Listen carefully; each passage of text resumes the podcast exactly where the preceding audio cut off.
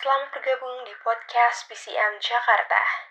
Mari buka mata hati dan pikiran Anda agar saat mendengarkan podcast ini banyak berkat Tuhan yang dapat diterima. Makan roti pakai selai belum habis dan ditaruh di mampan. Podcast ini akan saya mulai. Selamat mendengarkan. Halo semuanya. Halo, apa kabar? Apa kabar sobat PCM? Sebelum uh, kita lanjut, mungkin aku mau uh, kenalin diri dulu ya. Halo semuanya. Salam kenal, kenalin nama aku Michelle Ongkar. Uh, aku mahasiswa Fakultas Kedokteran Gigi angkatan 2020. Nah, kali ini nih di podcast kita kali ini uh, agak berbeda dari podcast-podcast sebelumnya karena di podcast kita kali ini kita bah bakal bahas tentang kesehatan um, gigi dan mulut. Nah, terus kita udah ada guest spesial pada um, hari ini yaitu Halo Kari. Halo semuanya, halo semua pendengar podcast PCM Jakarta. Oke, halo Kak. Mungkin Kari bisa perkenalan diri sebelum kita mulai. Oke, perkenalkan aku Ari Stefanovic. Um, aku baru aja menyelesaikan studi pendidikan di Fakultas Kedokteran Gigi Universitas Indonesia. Oke, halo Kari. Jadi Kak Ari ini tamatan baru ya, baru aja Iya baru aja dilantik jadi dokter gigi. Wah selamat kak. Thank you so much Michelle. Semoga Michelle cepat nyusul juga ya. Iya. Amin amin amin. Oke oke oke. Nah jadi jadi ini di podcast kita kali ini kita tuh bakal bahas mengenai menjaga kesehatan gigi dan mulut di masa pandemi. Nah kan Kari ini Kari kan baru banget lulus nih pasti tuh ilmunya tuh kayak masih seger-seger gitu lah masih kayak tertanam dengan baik nah mungkin di sini um, aku bakal minta Kari uh, kita juga ada beberapa pertanyaan buat uh, Kak Ari bisa sharing tentang pengalaman Kari nah karena narasumber kita ini spesial banget nah biasanya kan kalau kita mau undang narasumber yang ahli-ahli gitu kita mesti bayar kan tapi ini puji Tuhan banget Kari bersedia dan itu secara gratis. Makasih banget Kari. Dengan senang hati Michelle. Oke. okay. Nah mungkin um, sebelum kita masuk ke pertanyaannya nih, mungkin uh, Kari bisa sharing sedikit uh, gimana sih uh, suka dukanya kuliah di uh, FKG, apalagi kan FKG di kampus negeri bukan non Advent. Gimana sih kak? Bisa di sharing sedikit? Oke, okay, um, suka duka selama kuliah di FKG sebenarnya aku tipikal orang yang cukup menikmati perkuliahan se sejujurnya.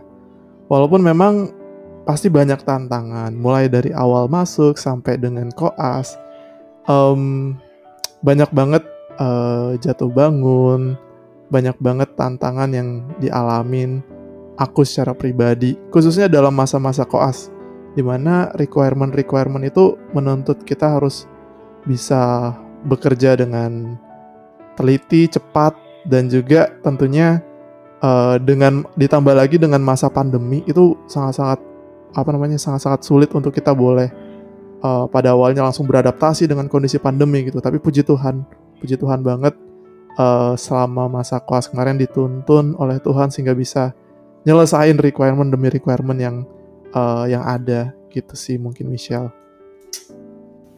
Wah iya benar banget ya aku juga sering dengar dari cutting jadi masa yang paling challenging itu waktu kita koas. Mm-mm, betul Karena banget. ya iya benar katanya koasnya kita mesti cari pasien ini itu tenaga yeah. biaya semuanya pokoknya dikeluarin. Iya betul banget. Iya jadi um, uh, buat teman-teman juga uh, mungkin buat teman-teman yang tahu Kari juga ini uh, salah satu uh, anggota di PCM dan Kak ini juga megang salah satu chapter yang namanya itu um, pendalaman Alkitab Kamis ya Kak kalau nggak salah. Ya betul, iya betul Michelle. Jadi aku tuh kayak Kak Ari itu kayak jago banget ngatur waktunya dan selalu bisa megang satu chapter dan chapternya itu kayak selalu berjalan terus gitu. Padahal yang aku tahu ya kita mahasiswa biasanya kedokteran waktunya tuh kayak terbatas banget buat kayak have fun ataupun jalan-jalan gitu. Tapi aku salut banget sama Kari kayak komitmennya itu untuk main itu kayak wow banget sih. Puji Tuhan. Amin Tuhan kasih Oke. kekuatan buat melayani. Iya bener banget sih kak. Oke, mungkin em, aku langsung masuk aja kali ya ke pertanyaan-pertanyaan yang udah ada nih. Oke, untuk pertanyaan yang pertama tuh kak, mengapa penting menjaga kesehatan gigi dan mulut? Persilakan Kari. Oke, kenapa penting menjaga kesehatan gigi mulut? Aku yakin eh, teman-teman yang mungkin lagi dengerin podcast ini sering sering denger kalau rasa sakit kalau lagi sakit gigi tuh gak enak banget, gak enak banget. Bahkan kayak ada pepatah yang bilang lebih baik sakit hati dibandingkan dengan sakit gigi. ada yang bilang gitu ya. Nah, Ah, Um, maksudnya dari quotes itu kita bisa lihat bahwa ternyata yang namanya sakit gigi itu sakit yang nggak biasa. Itu mengganggu aktivitas, kualitas hidup seseorang, kesehatan secara keseluruhan juga. Jadi eh, sebenarnya menjaga kesehatan gigi itu adalah eh, langkah pencegahan untuk supaya kita tuh nggak ngalamin yang namanya penyakit-penyakit yang terjadi di gigi dan mulut gitu. Nah, jadi eh, apalagi di masa pandemi ini di masa pandemi ini penting banget untuk kita jaga kesehatan gigi mulut karena eh, kita mau ke dokter gigi juga eh, maksudnya dalam hal ini kita mikir-mikir dulu nih resiko resiko tindakan aerosol dan seterusnya yang membuat kita akhirnya di masa pandemi ini nggak nggak segampang nggak segampang ketika kita di masa sebelum pandemi gitu dan beberapa praktek dokter gigi pun nggak membuka tindakan aerosol seperti pengeburan, scaling gitu. Nah, makanya penting banget untuk menjaga kesehatan gigi mulut. Tapi satu hal nih, sebagai umat Tuhan juga kita tuh ngejaga kesehatan gigi mulut tuh bagian dari menjaga kesehatan tubuh secara keseluruhan gitu. Maksudnya eh, kita ingat ya kalau di ayat Alkitab ada yang bilang bahwa tubuhmu adalah bait Roh Kudus gitu. Nah, eh, ketika kita menjaga kesehatan gigi mulut, menjaga kebersihan gigi mulut itu pun juga bagian dari itu gitu. Kita sedang em, menjaga bait suci tubuh yang Tuhan kasih sama kita. That's why kita akan jaga kebersihan, eh, termasuk di termasuk kebersihan di rongga mulut kita gitu. Karena eh, penyakit-penyakit gigi mulut ini dampaknya luas ke kesehatan tubuh secara umum seperti itu. Jadi eh, itu mungkin sedikit dari alasan kenapa kita eh, perlu untuk menjaga kesehatan gigi mulut kita. Itu sih mungkin Michelle. Iya, iya bener-bener banget tuh kata Kari. Dampaknya itu bisa ke kesehatan kita juga, bukan cuma kesehatan gigi dan mulut, tapi kesehatan kita juga. Kan banyak kan orang sekarang kayak, ya udah kayak ke dokter gigi ya nanti aja. Palingan kalau orang ke dokter gigi pas mau cabut gigi aja. Iya, pas udah sakit. Pas udah sakit banget, baru mereka pergi ke dokter gigi. Hmm, Sama banget sama kayak adik aku. Gitu. iya. Eh, iya benar banget bahwa tubuh kita itu kayak bait roh kudus. Kalau kita merusaknya gitu ya sama dengan kita merusak bait roh kudus yang ada di dalam tubuh kita. Iya, betul banget. Oke, selanjutnya nih, iya kak. Selanjutnya kita ini ada pertanyaan lagi. Pertanyaannya gini, seberapa besar pengaruh dari kesehatan gigi dan mulut ke kesehatan tubuh secara umum? Oke. Nah, jadi eh secara umum sebenarnya gigi kita kan punya fungsi sebagai eh, alat pengunyahan gitu. Yang secara nggak langsung itu akan ngaruh ke pencernaan kita juga. Itu satu sisi. Tapi ada hal-hal lain yang mungkin cukup menarik nih, yang mungkin masyarakat agak sedikit kurang aware bahwa ada loh kasus-kasus tertentu di mana eh, bakteri-bakteri yang ada di gigi infeksi itu bisa loh menyebar ke bagian tubuh lain bahkan ada satu penyakit namanya dia eh, bacterial endocarditis jadi bakteri yang berasal dari gigi itu muncul atau nempel di dinding jantung di endokardium kita jadi dari masalah sepele kita nggak jaga kesehatan gigi mulut akhirnya giginya makin besar lubangnya terus ada infeksi abses dan seterusnya gitu menyebabkan ada gangguan di organ lain gitu dan bahkan cukup fatal. Nah ini adalah hal-hal yang kita harus aware bahwa uh, gigi kita ini terhubung langsung ke peredaran darah di mana kalau misalnya kita nggak jaga kebersihan mulut ya otomatis kuman bakteri penyebab infeksi tersebut juga masuk ke peredaran darah dan itu bisa uh, mengganggu kesehatan tubuh kita secara umum gitu. Dan bahkan bukan cuma sekedar itu aja. Bukan cuma sekedar gigi berlubang, tapi ada juga penyakit-penyakit, contoh penyakit periodontal yang mana kuman ataupun bakteri penyebab penyakit karies dan penyakit periodontal ini uh, masuk ditemukan di organ liver, usus, dan bahkan pada ibu hamil pun juga ditemukan uh, inflamasi pada uh, maksudnya inflamasinya inflamasi yang tadi cuman berpusat di gigi mulut itu mempengaruhi dari perkembangan janin itu sendiri. Nah, itu adalah hal-hal yang perlu perlu kita aware dalam hal ini gitu. Itu sih Michelle. Ya, tuh teman-teman dengerin tuh. Dari gak jaga kebersihan mulut bisa-bisa kena uh, jantung kita juga bermasalah. Biasa kan orang kayak oh ya udah nggak apa-apa tuh teman-teman udah denger kan gimana? Kalau dari kebiasaan kita yang mungkin jarang sikat gigi ataupun bila ada sikat giginya palingan kayak ya udah malam aja kali ya. Kalau paginya ya udah nggak apa-apa. Kan tadi malamnya udah sikat gigi. Biasanya orangnya tuh gitu. Tapi kan kita udah dengar tuh dari Kari bahwa kalau kebersihan mulut itu juga dapat mempengaruhi jantung kita oke kita next ke pertanyaan selanjutnya. Uh, apa aja kebiasaan-kebiasaan buruk yang dapat membuat gigi kita rusak? Silakan kak. Oke, nah jadi uh, kebiasaan apa yang bikin uh, gigi kita rusak? Yang pasti makanan makanan-makanan yang penyebab gigi berlubang, khususnya yang manis-manis, yang lengket-lengket.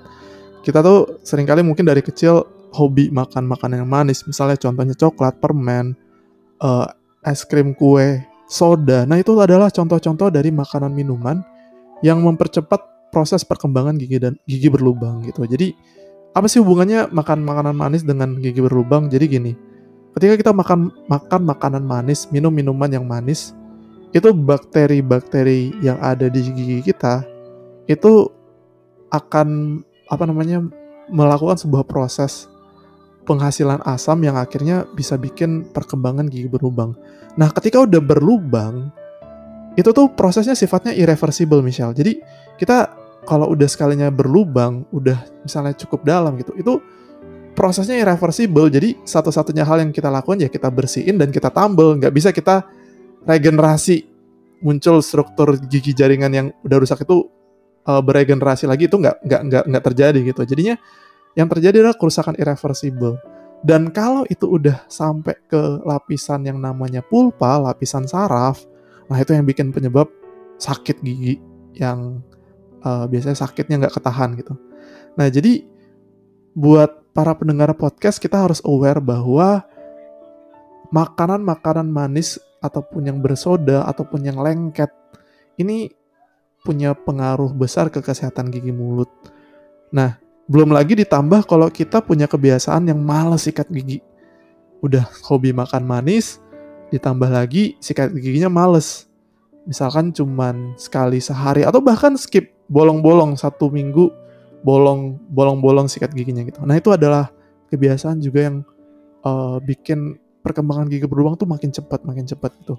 Maka penting dari penting penting dari kita semua untuk kita jaga kebersihan gigi mulut kita dari rumah masing-masing. Minimal dua kali sehari pagi dan malam sebelum tidur. Kalau lebih dari dua kali sehari boleh nggak kak? Boleh. Jadi dua kali sehari itu minimal gitu.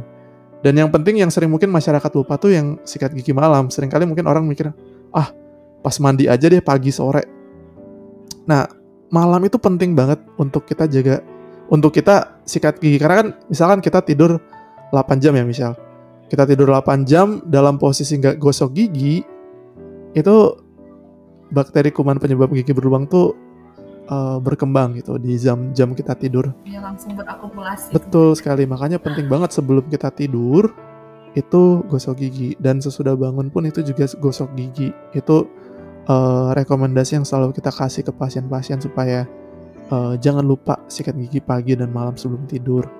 Nah, itu yang kedua. Tadi yang pertama suka makan dan minum manis dan lengket. Kedua, uh, apa namanya? Yang kedua kita uh, jarang dan malas gosok gigi.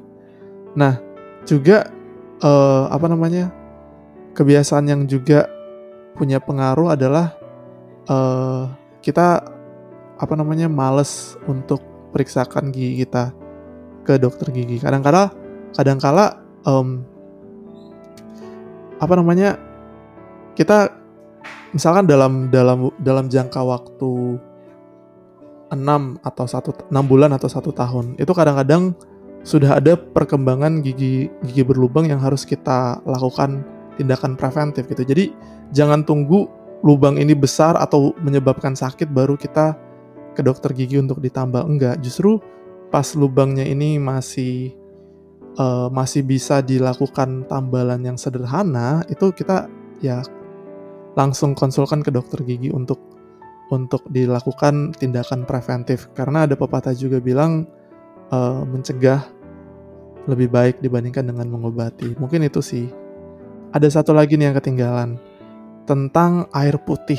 Nah, jadi uh, apa namanya banyak penelitian yang mempublikasikan bahwa saliva kita, saliva itu air ludah, itu punya peran penting dia sebagai buffer di rongga mulut kita. Buffer ini menjaga keasaman dari rongga mulut kita tuh dalam batas normal. Nah, kalau misalnya kita malas minum air putih, maka kualitas dan kuantitas saliva atau air liur kita ini nggak bagus, nggak nggak sebaik itu. Maka penting untuk kita rajin konsumsi air putih cukup ya.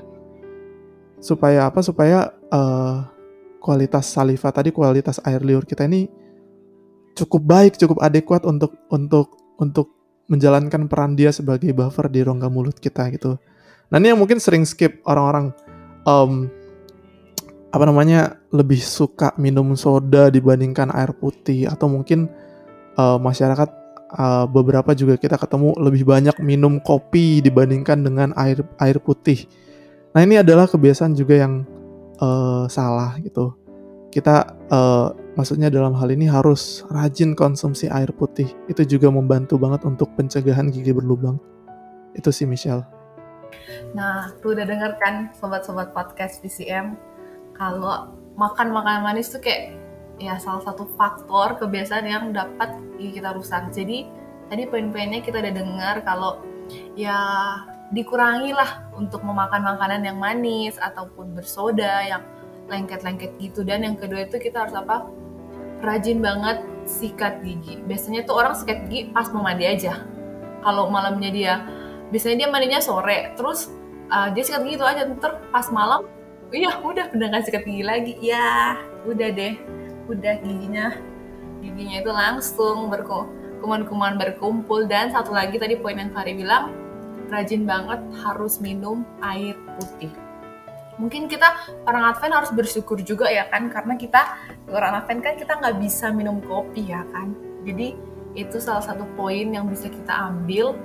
Dan um, gimana kita bisa lihat bahwa um, jangan nanti udah berlobang besar banget udah sakitnya minta ampun sampai nggak bisa tidur baru deh ke dokter gigi. Itu mah udah ya bye bye oke selanjutnya kita pertanyaan selanjutnya kak. Nah sama kakak berkecimpung di dunia kedokteran gigi apa aja kasus yang umum ditemukan pada pasien-pasien yang berobat ke dokter gigi? Silakan kak. Oke dari banyak kasus yang paling sering kita temui ya dua uh, kasus gigi berlubang atau karies. Baru yang kedua kasus-kasus penyakit periodontal. Jadi kalau uh, yang pertama tadi karies atau gigi berlubang itu uh, adalah kasus yang sangat sering kita temukan gitu. Yang penyebabnya tadi gitu. Gara-gara kita suka makan-makan manis lengket terus udah gitu nggak gosok gigi. Nah um, apa namanya uh, itu adalah kasus yang umum gitu. Kadang-kadang pasien atau bahkan seringnya pasien datang ketika lubangnya udah gede atau udah ada rasa sakit atau bahkan udah terjadi abses gitu nanah at, uh, di bawah di bawah akar giginya gitu. Nah, um, maka dari itu penting untuk yang tips yang tadi saya udah sebutkan uh, jangan kita tunggu sakit dulu baru berobat.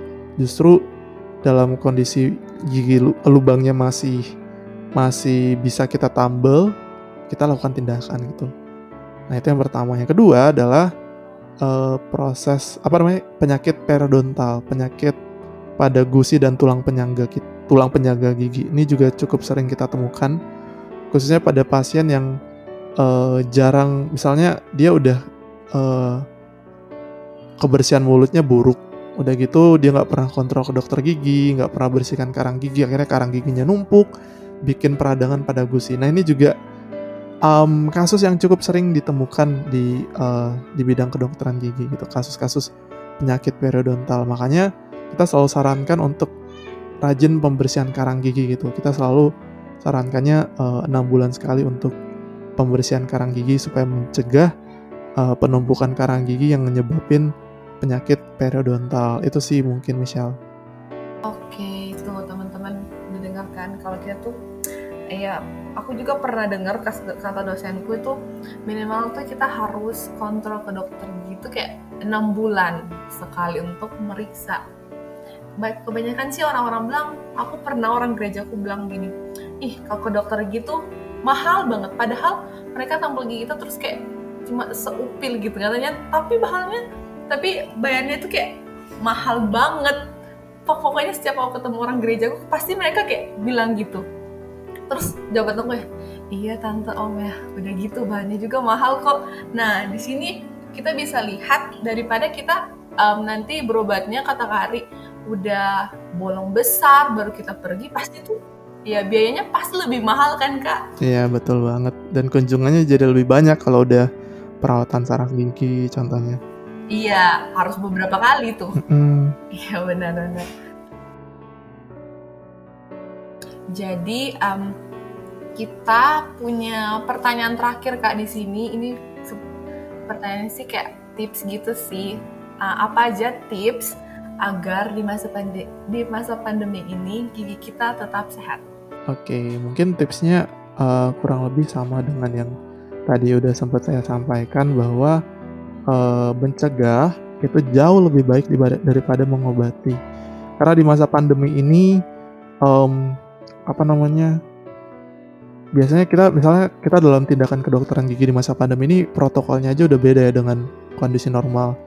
Kita harus APD lengkap, kemudian juga tindakan aerosol juga uh, apa namanya kita maksudnya kita lakukan dengan protokol protokol kedokteran gigi di, di era new normal inilah.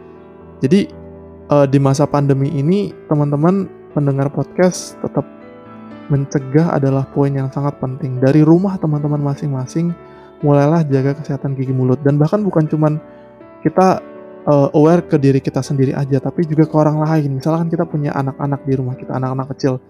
Itu juga kita ibaratnya maksudnya anak-anaknya nggak bisa gosok gigi sendiri. Kita harus ngebantu mereka untuk mereka juga ngejaga kebersihan gigi mulut mereka sejak dari kecil karena bahkan sekalipun uh, anak-anak ini masih gigi bungsu, masih gigi sulung, sorry, masih gigi sulung. Itu pun juga mereka harus udah dididik dari sejak kecil bagaimana menjaga kesehatan gigi mulut mereka karena kesehatan gigi sulung mereka tuh nge, nge mempengaruhi kesehatan gigi permanen mereka gitu. Nah itu yang yang yang harus kita perhatikan. Kemudian juga ya mungkin sedikit tambahan uh, kenapa sih kita harus banget ngejaga kesehatan gigi mulut kita bahkan dari sejak muda? Karena teman-teman, uh, kalau kita nggak jaga kesehatan gigi mulut kita dari muda, maka itu akan mempengaruhi secara langsung, secara tidak langsung ke kualitas hidup kita di masa tua, teman-teman. Misalkan kita di umur 20 udah ada gigi yang dicabut.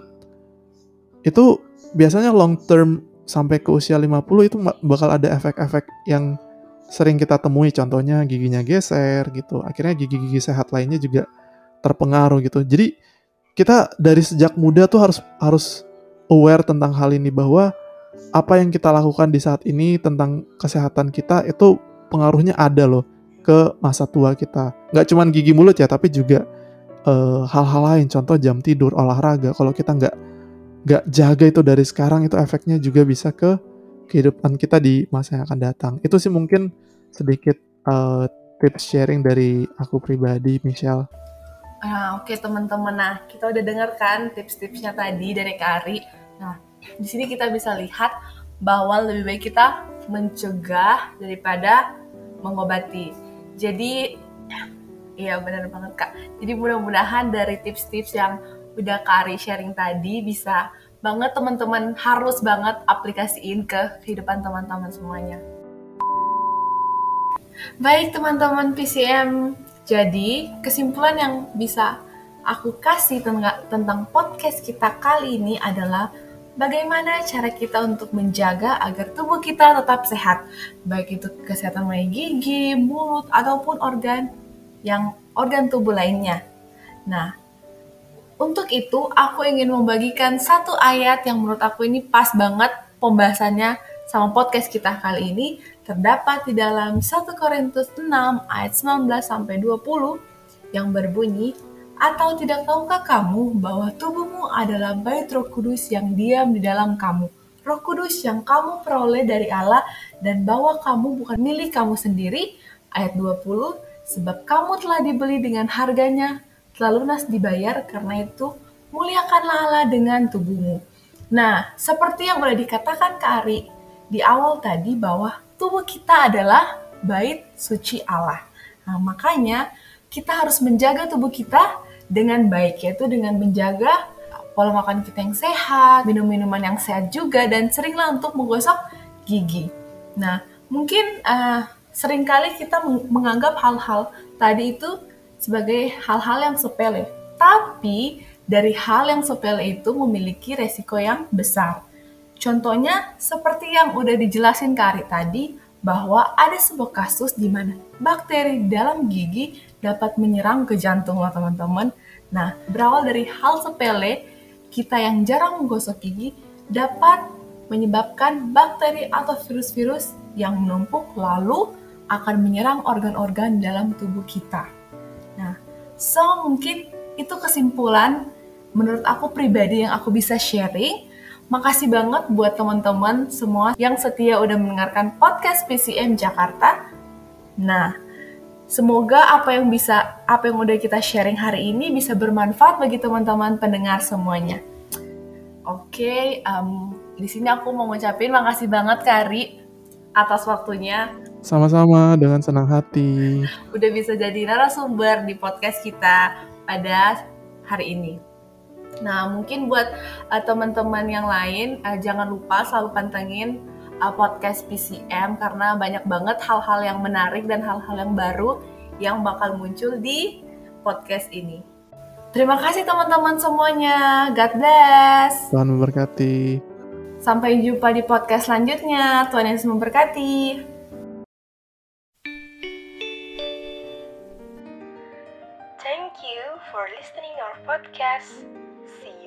Next podcast and don't forget to follow our Instagram, YouTube, Facebook, and our Spotify. PCM Jakarta, follow Jesus embrace his missions and chains to work.